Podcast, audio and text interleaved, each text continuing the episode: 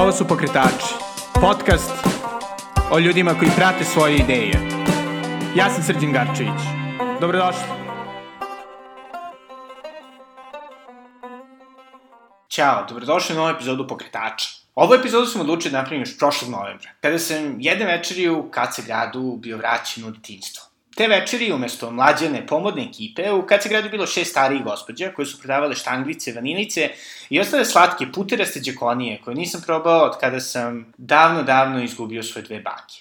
One su bile okupljene u socijalnom preduzeću Super Bake, koje ne samo da vraća svojim mušterijama ukus detinstva, već pruže našim starijim sugrađanima priliku da zarade mali dodatak uz penziju, ali i da se druže i dele svoje iskustvo sa mladima. Čovek iz ove sjajne ideje je Mariju Milaković. Mariju je sada već serijski pokretač. On je 2013. pokrenuo Jugodom, prostor u Beogradu koji slavi estetiku SFRJ i koji je brzo postao atrakcija za domaće i strane ljubitelje dizajna, koji u njemu mogu i da ocedu. Sa Marijom sam tokom ovog razgovora pričao o tome kako nalazi ideje, kako izgleda pokrenuti socijalno preduzeće u Beogradu, kako je pokrenuo veoma uspešnu crowdfunding kampanju i konačno šta je sve naučio od svojih starijih koleginica. Uživajte. Prosto ja užasno verujem u to da treba tražiti inspiraciju ono, u onome što čini kao svet oko tebe. Gde god, koliko god da daleko tvoji, tvoji pogledi dosežu. Ovo je nešto što je ono nekako meni poslednja značajna stvar koja se desila u dizajnu ono, na namještaje i interijere je bilo tada kod nas, posle toga sve što se pravilo je užasno ružno ili, ili netra ili, ili oboje. Tako da je meni prosto bila referenca nešto što, što, što je tu oko nas i Jugodom bi zaista mogao da postoji da SFRJ danas postoji, u kom god obliku to bilo. Tako da sam ja nekako imao taj osvrt na, na dizajn tog perioda, na kinematografiju i na ono što obično ono se manje se spominje, koji ovdje trudim da naglasim, a to je da je Jugodom zapravo, i evo sad je ovo simbolično, pošto nam dolazi 1. maj, ovaj, zapravo posvećen ovaj, radničkoj klasi tog, tog perioda. Jer nekako ja, ja uvek razmišljam da zapravo da nije bilo tih ljudi koji su samo brojka, a, a ne neko ime i prezime. Mislim, dizajneri čak u to vreme nisu bili ime i prezime, nego su zapravo bili samo dizajner te, te drvne industrije, da zapravo nije bilo tih ljudi koji su sedeli po fabrikama i radili to sve što su radili vredno, ne bi uopšte bilo ti komada nameštaja. Tako da je Jugodom, osim što je omaž kinematografiji i dizajnu, on je apsolutno omaž radničkoj klasi SFRJ. Pa počelo je apsolutno daleko od bilo kakvog biznis plana i svega onog što slušamo danas kad se ulazi u neki, neku, neku poslovnu priču. Ja sam zapravo živeo u tom prostoru I u to vreme onako Airbnb dosta bio u povoju i... To je znači bilo... Pre pet godina. Aha. Da. Pošto ja sam zapravo, u vreme kad sam živao u tom stanu na Dorćolu, se vratio iz Tokija, gde sam živao u 12 kvadrata. Ja kad sam ušao u taj stan koji je bio dosta prostran, prvo odlazio onako na jedan, na jedan kraj stana, pa gledao na drugi, pa kao ja vidi koliko je to. I generalno sam živao sa malo stvari i bila mi je uvek ta jedna prostorija prazna, gde sam ja u stvari samo parkirao bajs u njoj i tako držao neke stvari koje ne želim da vidim. I uvek je bio taj moment kad mi dođu gosti, ja sam im jedan dušak nakon spavamo na podu i to je to kao. Ja sam bio iz fazona, ajde da ja kao tu sobu sredim za Airbnb, pa kao ako se meni taj, ako ljudima ono budu dolazili, ako se meni, ako meni bude okej okay, da ja tu s njima delim prostor i ću to nastavim, ako ništa, na kraju dana imaću prostor da ću moći svoje goste koji mi dođu u posetu da, da ono, da, da smestim i da ugostim, kako doliko, jeli, domaćinski. ovaj, I onda je to kao tako krenulo, ono, gosti su bili super, onako davali su super komentare, obzirom da sam ja bio tu, mogu sam na licu mesta da pokupim feedback, I onda mi to nekako spontano vodilo to da, da sredim drugu sobu, e onda se desilo da je malo kuća bila puna, stalno je neko bio tu. I onda sam shvatio, ok, ajde da se ja lepo ovaj, iselim odavde, da nekako zaokružim tu pri, taj koncept jugodoma koji sam imao od početka, ali bilo malo absurdno da baš jednu sobu zovem jugodom, i da nekako ja ono kao nađem sebi tu neki stan u kraju, a, a, a da nekako jugodom ono, bar pokuša da živi. Ovaj, tako da sam ja zapravo imam tu neku ideju da jugodom jednom preraste u hotel, ovaj, gde sam nekako do kraja razvio taj koncept i ko bi radio u njemu i na, na koji način. I sad, pošto je hotel nešto onako dosta ambiciozno i veliko, nije neostvarivo, ali kad čekam pravi trenutak. Super bake. Kako je to pokrenuto, odate ideje za to? Mene jako zanima socijalno preduzetištvo kao tako. Bio sam u Beču pre manje od godinu dana i video taj jedan pro, prostor restoran do duše u kom rade penzionerke. I nekako mi se užasno, prosto me ta ideja onako kupila na prvu.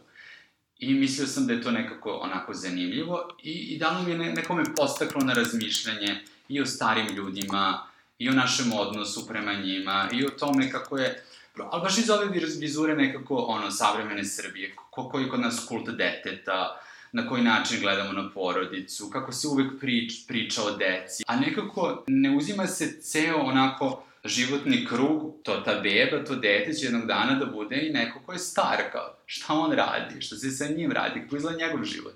I ja nekako sam uvek imao super odnos sa starim ljudima, uvek sam ih smatrao da nekako imaju zanimljive priče životne, da neko mi dosta toga da podele, smirenost i strpljenje koju oni emituju mi je ono neverovatna. I nikad mi nije bilo jasno zašto su ovaj, na neki način ono isključeni iz društva. S druge strane, obožavam slatkiše, i onako totalno ako postoji neka ovisnost, onda je to, to ta kad sam ja u pitanju. I nekako sam shvatio da, da, da bi ta priča kao sa nekim penzionerkama koje bi kao radile nešto, možda u Beogradu bilo najbolje da bude poslastičarnica. I, pošto to je bilo samo na nivou kao sedim ja kod kuće i kao zamišljam ne, nešto, apsolutno nisam imao nikakav budžet, negde ovaj, u nekom trenutku sam kao čuo za crowdfunding, kao ideju, pa prošao to, nekako smislio šta i kako, onda sam ušao u kampanju koja je bila u decembru i eto tako, nastale su super bake. Mislim, još uvek nastaju. da, bilo bi fantastično kada bi samo rekao, otprilike kako je tvoj, tvoje iskustvo socijalnog preduzetništva u Srbiji, postoji uopšte novac za to, postoji neka podrška? Ja nekako generalno, mislim i da mislim, nego je to, to činjenica da, da je socijalno preduzetništvo u Srbiji potpuno na aparatima. To ima svega nekoliko primera, ono, koji su manje ili više uspešni. Mislim, zakon postoji, ali nije usvojen, tako da da, kao nema ga. Tako da ti kada, kada uđeš u priču kao socijalni preduzetnik, ti si potpuno na tržištu jednak sa, sa svima ostalima što nekako nije, nije naravno slučaj, jer, jer, jer radiš stvari koje te neretko koštaju više, tako da ti na kraju dana kada pogledaš koliko novca tu odlazi na, na staff je mnogo više nego obične poslastičnice. Ali to je ono što mene apsolutno ne zanima. Mislim, nekako ne gledam na to tako, meni je samo bitno da, da Superbike u jednom momentu uh, uspeju da postanu samo održive i bez neke pretarane ambicije da se mi ne znam kako širimo. Znači, to ako mhm. se desi fenomenalno, ali da, samo održivost je ono što je naš cilj. Kada si diskutovao o svojoj novoj ideji sa prijateljima, poznanicima, kakav je bio njihov odnos? Pa ne, svi su nekako generalno od početka padali u trans od te ideje, kao ne zato što je moja, i ne, ne samo to kao sa taj kao first cycle, kao porodice i prijatelji, nego uopšte kao ono potpuno random ljudi koji su se javljali i tokom kampanje da podrže i pre i posle. Mislim, generalno čini mi se da ono Superbake već imaju jednu zajednicu koju su kreirali oko sebe, onako kao stvarno istinskih, mogu čak slobodno da kažem i fanova. Tako da nekako mislim da je to prosto, i to naravno nema nikakve veze sa mnom, nego prosto ima veze sa, sa bakama. Ja, ja tu zaista nisam spotlight i pokušavam da ono budem, da se, da se što koliko god mogu i kad god mogu izmičem i svega toga i da one budu na, na centralnom mestu koji zaslužuju i koji mi pripada. Kad je, kad je reč o superbakama, one neminovno izazivaju osjećanja kod ljudi. Sad da zamislimo nekog onako navijača, onako neki potpuno ekstrem, koji ono ima loš odnos i sa roditeljima, i sa bratom, i sa sestrom, ako mu spomeneš baku, on će vrlo verovatno na, na to će jedino da odreaguje emotivno. Da, kako je to bilo bakama? Kako si našao saradnice? Pa krenulo od tog nekog kruga od, od šest baka koje sam ja poznavao. Jedna je bila moja nekadašnja komšinica, pa jedno sam znao radila u, u, u poslastičanici na Dorčulu nedeljom kad, kad bi kao ove stalne radnice odlazile. I u stvari to je zapravo bilo realizacija onog što sam ja i mislio kad one povremeno, jednom do dva put nedeljno rade po pola radnog vremena, idem to bude dopune na penziju s jedne strane, a s druge neki naravno ovaj, onako, taj, taj socijalni aspekt i to da izađu iz kuće, izolacije i tako dalje, da se osjećaju dobro u vezi sa sobom. I tako da je tih šest baka za početak, za potrebe ono, promotivne vide, da se ljudi uopšte upoznaju sa idejom, bilo apsolutno dovoljno. I mediji kad su krenuli da se javljaju, da prenose, onda su zapravo i bake krenule same da se javljaju.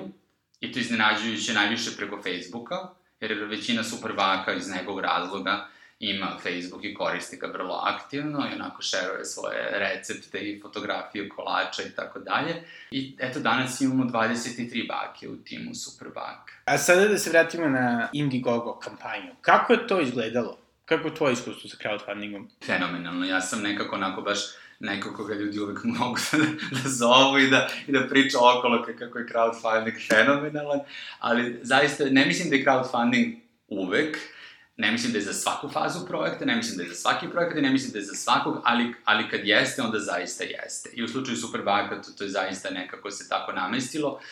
Mi nismo krenuli sa nekim ono ogromnim iznosom po koji smo ovaj, išli, I to ne može za, zaista da se očekuje. Mislim, kad su, kad su te neke community stvari, naročito u Srbiji gde ljudi imaju ono, primanja kako imaju, nek, po nekom da uplati hiljadu ili hiljadu i po dinara je već mnogo. I ja sam nekako odmah u startu shvatio da ceo projekat ne može da se finansira iz, iz crowdfundinga. Ideja je da, da, se, da se jednog dana u centru grada otvori poslastičarnica u kojoj će raditi baki. E sad to podrazumeva kuhinju, opremanje enterijera, izloga, uh, dostavno vozilo i tako dalje i tako dalje, sve one stvari koje su kao bile predviđene biznis planom i to prosto je bilo jasno da taj iznos ono, u Srbiji, a možda i negde drugde, apsolutno nije moguće prikupiti samo putem crowdfundinga. I ja sam odlučio da, da zapravo to onako prepolovim taj proces i da u stvari ono, ono za, po, po šta mi idemo kroz, kroz crowdfunding kampanju jeste onako skromno opremanje jedne kuhinjice, jedne radionice za bake. Znači da one jer ne mogu da rade iz kućnih uslova, prvenstveno ovaj, zakonski ne, ne, ne smeju, a i drugo nekako onda nema tog tima Prosto treba da postoji neki fizički prostor u koji će one dolaziti, pa sad za početak to će biti catering i dostava, a posle nekako vremenom će se razviti. Naš target je bio 5000 dolara, s tim što je ostao fleksibilan, što je značilo da iako prikupimo manje od toga, kam, mislim i dalje ćemo dobiti taj novac pa ćemo moći da ga, da ga uložimo u deo onoga što smo zamislili i mi smo u tome i uspeli. Tako da mi danas imamo tu radionicu iz koje bake rade, koja se nalazi ovaj, u Mirjovu, I eto sad od sledećeg meseca ćemo polako i krenuti da primamo poručbine, tako da je ono kao to, ono mission completed. Da, znači sledećeg meseca u smislu juna 2000... Pa, maja zapravo. Maja? Da, o, da, fantastično. Da. Tamo je 25. maj, da. Zapravo kako izgleda dan ovaj, u radionici Superbaka? Jel si ti tu ili se one samo organizuju? On, oni su vrlo samoorganizovani, ja im ne trebam, ali ja prosto nekako se, kad je ovako sve u začetku užasno uzbudljivo, ja ono koristim sve vreme koje imam kao da odem i da, i da, i da budem sa njima, užasno je uzbudljivo. Ono što je fenomenalno valjda sa, sa, sa tim godinama kad si nekako završio svoju karijeru i kad više nemaš šta da se takmičiš. Pošto to je, gospođe od 60 do 80 Tako je, do 60 do 80 godina, sve su u penziji, sve su bake. Je li neophodno da imaju nije? Ne, nije neophodno, nije neophodno čak ni da budu penzionerke. Ja sam prosto razmišljao o tome da, da neko ko recimo ima 55 godina i žena je u Srbiji, ako traži posao, verovatno će joj, nažalost, većina vrata biti zatvorena. I stvarno nisam hteo da super bake budu još jedno mesto u nizu koje će da, da, da neko ima opet kaže, e sad nisi dovoljno stara da budeš deo tima. Tako da imamo jednu baku koja zapravo ima nepunih 60 godina, ali eto, ona, ona recimo jeste ve, veći bak, ali zaista to, to nije uslov, to je prosto nekako samo ideja i koncept, ali ja nekako ono prosto želim da, da to ostane otvoreno za, za, za prosto sve žene koje se, ali ne samo žene, ja bi ja bio jako e, da. srećan kad bi se desio i neki deka, ovaj, do sad se nije javio, ali da, ako se javi, apsolutno je dobrodošao.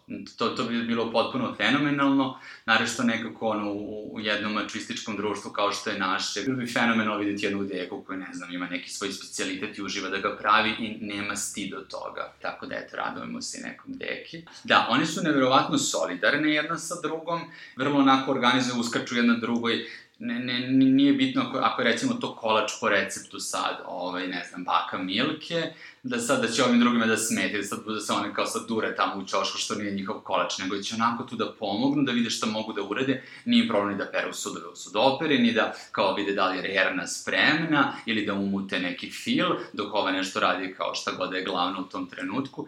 I, i fenomenalno je to potpuno odsustvo sujete u tim godinama. Ove, I to je prelepo nekako. I mislim da, da, da zapravo kroz, kroz projekat Super Bake ja, ja sam se onako odmaram od svih poslova koje radim i koje sam ikada u životu radio, jer poro, ja, verovatno ti je jasno da nikad nisam imao tim koji je ono gde je prose godine bio 70 i nešto, ko što većina nas nema i verovatno nikad neće imati.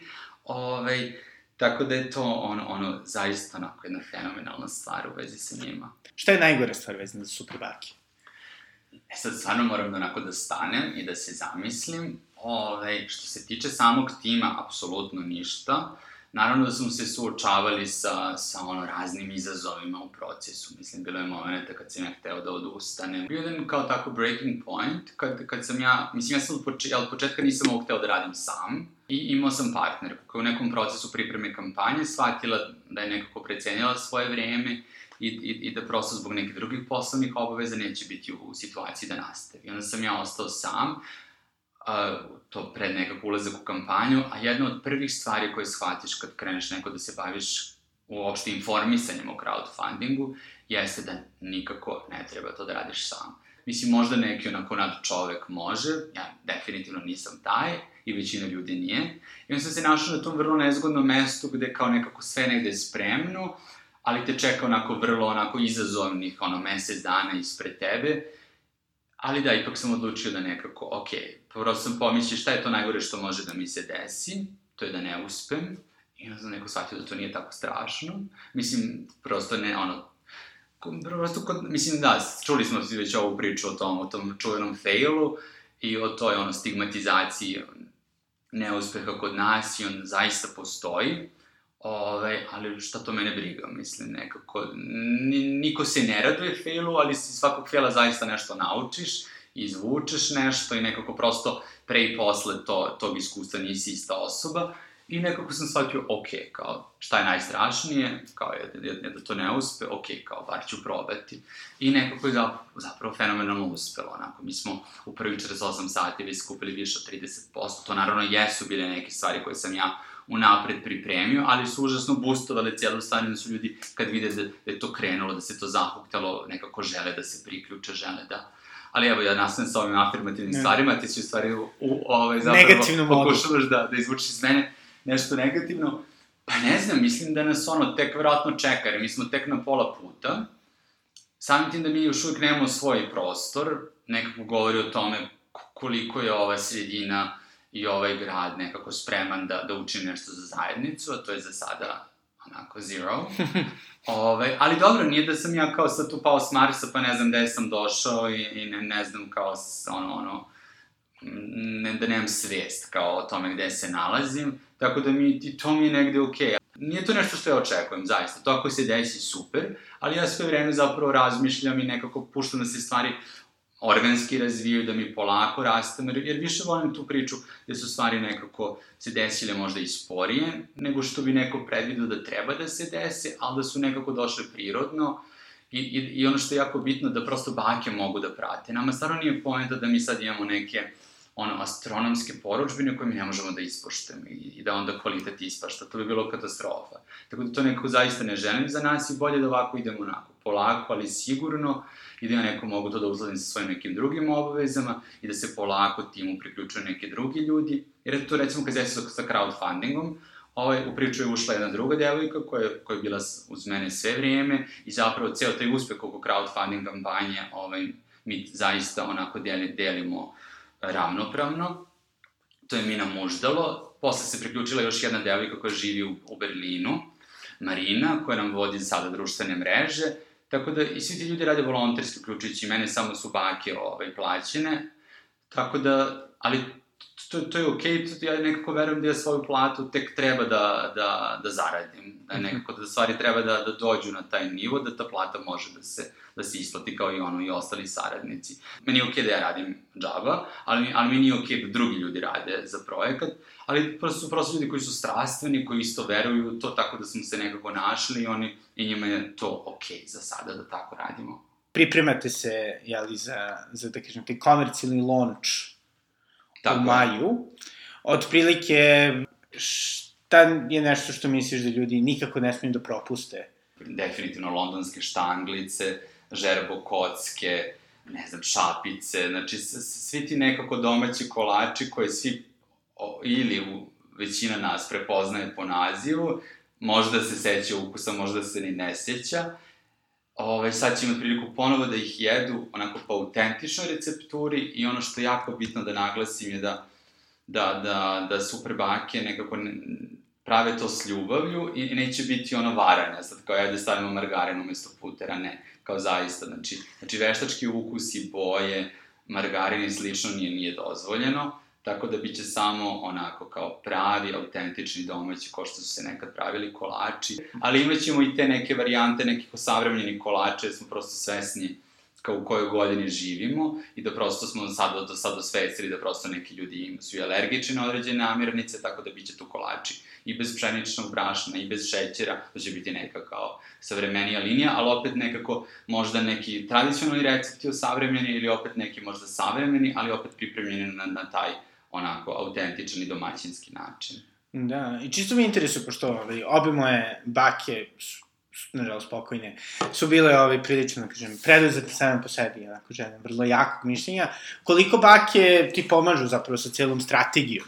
One su jako zainteresovane da, učest, da učestvuju u svemu, ali ja nekako se ovaj, trudim da, da, da ih ne izlažem previše ovim stvarima koje nekako prosto nisu zabavne i nekako da, da prosto taj prostor kuhinje nekako ostane njihov, zajedno se dogovaramo oko, oko recepata i to šta će one praviti i one naravno ovaj, same to spremaju, ja mi se to ne mešam.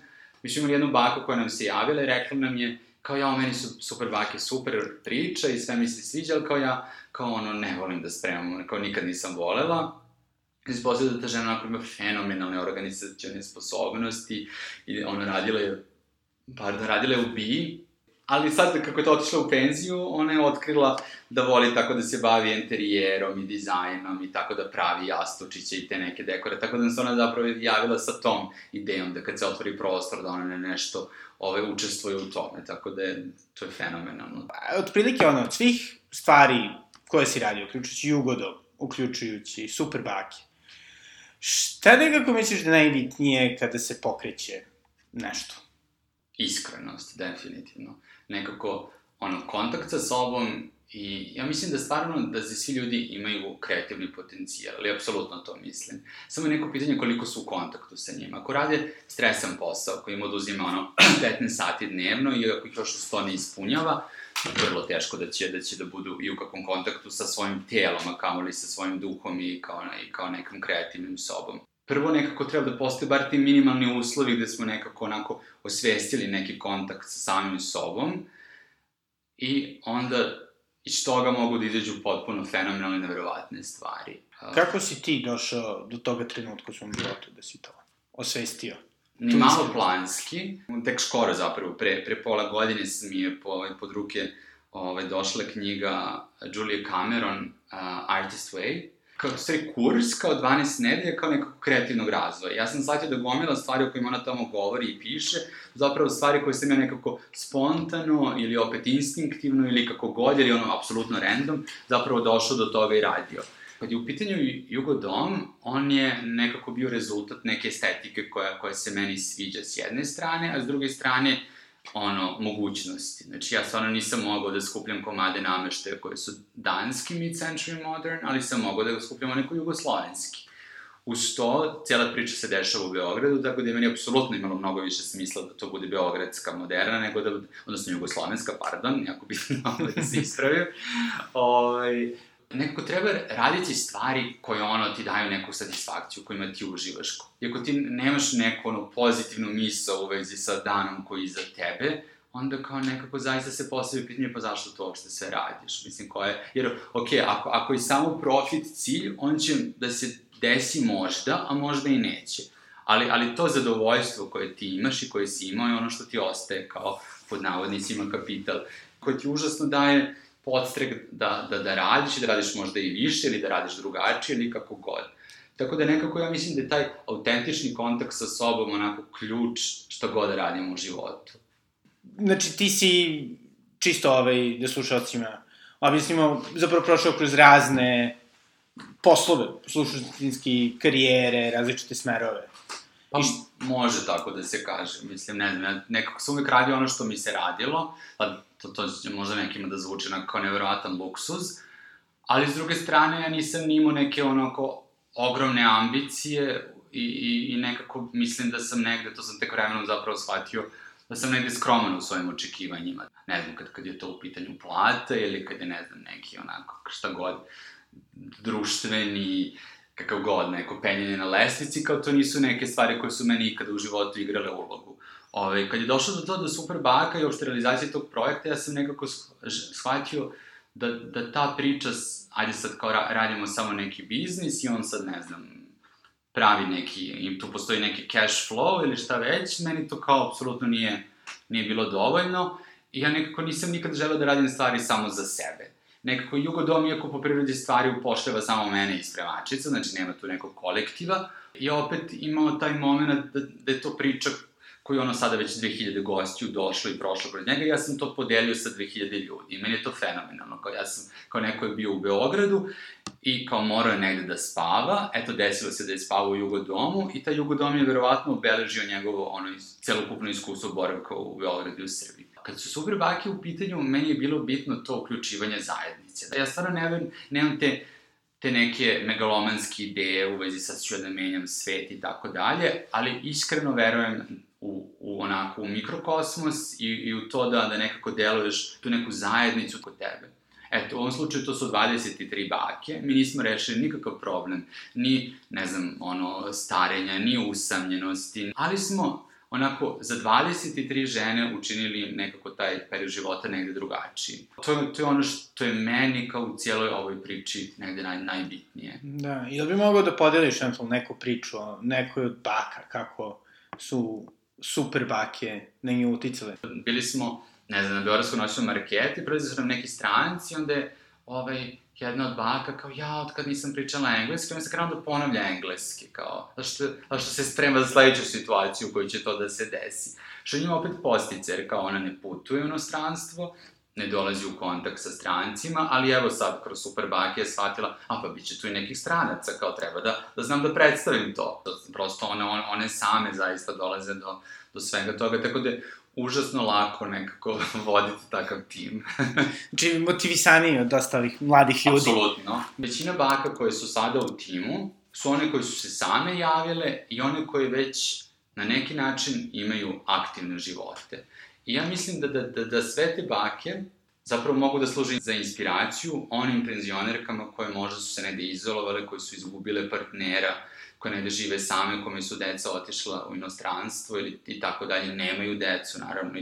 Jer one već imaju sadržane živote i rade dosta stvari. Recimo, ima baka ovaj, Svetlana, koja bukvalno može u svakom trenutku da vam kaže šta možete u Beogradu da radite ujutru, popodne i uveče, a da pritom ne platite ništa ne zašto, ne zašto je njena penzija toliko mala, nego prosto kao odgovor na ono što se provlači, jeli, kao i među našom generacijom i starijim od nas, a to je kao na, na novac je uvek problem. Ne, kad, kad, neko, kad imate volju i kad, kad nešto želite da radite, onda nekako da, ne, zaista nema izgovora. Pa dobro, znači, da ovo bude poruka mladima, budite više kao, kao super bake. Kao bake, je. Da. I ovo je bio Mario Milaković i super baka Jugodoba. Nadam se da ste uživali, ja svakako jesam, i čujemo se u sledećoj epizodi. До.